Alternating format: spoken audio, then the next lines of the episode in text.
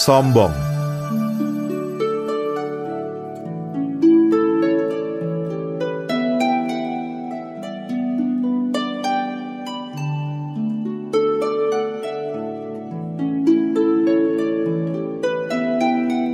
Dua orang lelaki yang datang bertamu ke rumah seorang bijak tertegun keheranan.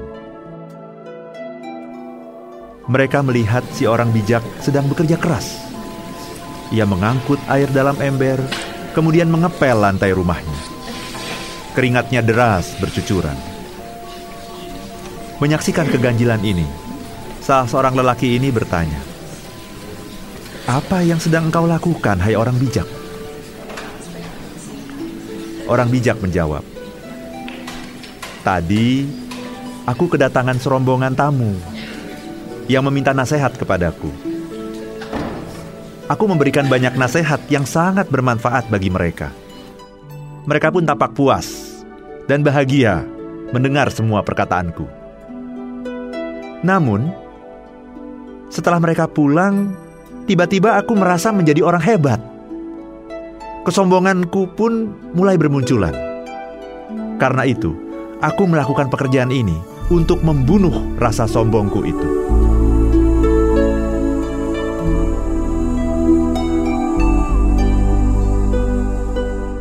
Pendengar yang berbahagia, sombong memang adalah penyakit yang sering menghinggapi kita semua.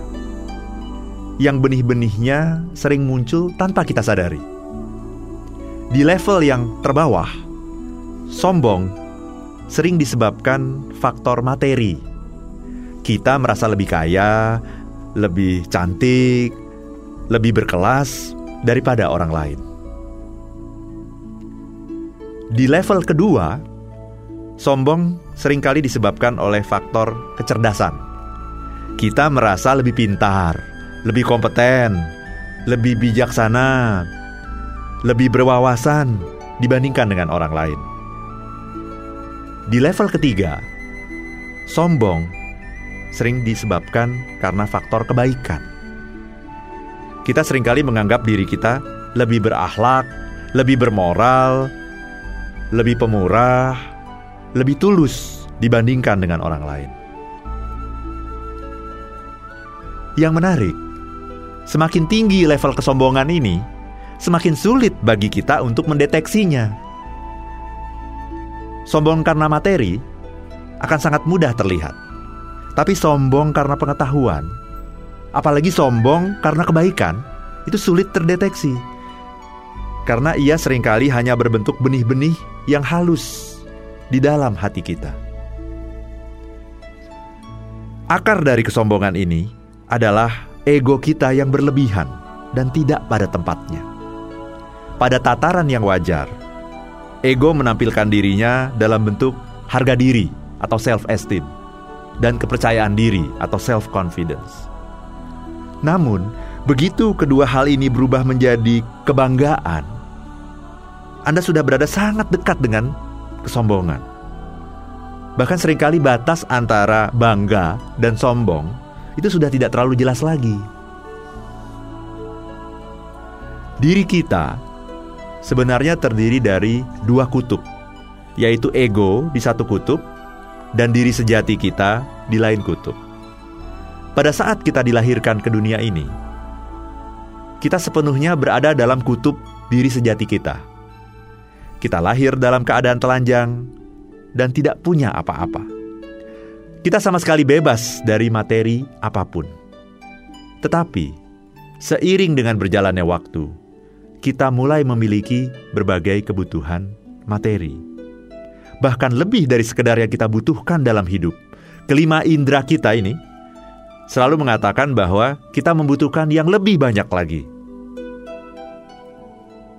Perjalanan hidup sering kali mengantarkan kita menuju kutub ego.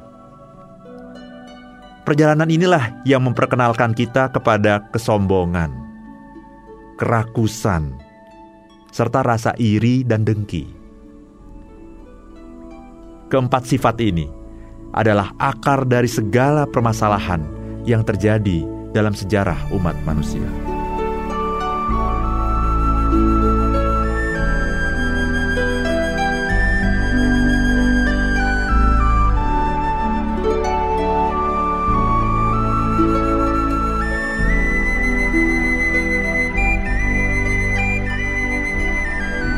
Perjuangan melawan kesombongan sebenarnya adalah perjuangan menarik diri kita ke kutub diri sejati.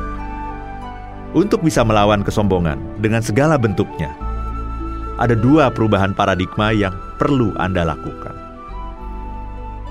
Pertama, Anda perlu menyadari bahwa hakikat manusia itu adalah diri sejati kita.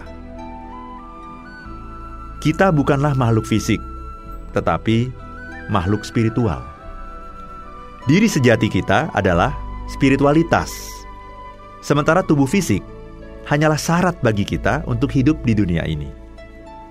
Kita lahir tanpa membawa apa-apa, dan kita mati pun nanti tanpa membawa apa-apa juga. Nah, pandangan seperti ini akan membuat Anda melihat siapa pun sebagai manusia yang sama anda tidak akan lagi tertipu oleh penampilan, kecantikan, dan segala tampak luar yang lain. Yang kini Anda lihat adalah tampak dalam. Pandangan seperti ini sudah pasti akan menjauhkan Anda dari berbagai bentuk kesombongan.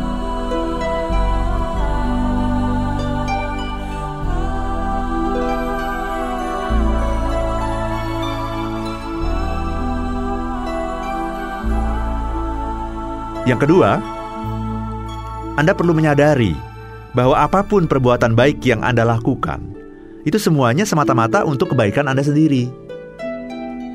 Anda menolong orang, itu adalah untuk kebaikan Anda sendiri. Anda memberikan sesuatu kepada orang lain, itu juga adalah untuk Anda sendiri. Dalam hidup ini berlaku hukum kekekalan energi. Jadi energi yang Anda berikan kepada dunia itu tidak akan pernah hilang energi itu akan kembali kepada Anda dalam bentuk yang lain. Kebaikan yang Anda lakukan pada orang lain pasti akan kembali kepada Anda dalam bentuk persahabatan, cinta kasih, perasaan bermakna, maupun kepuasan batin yang mendalam.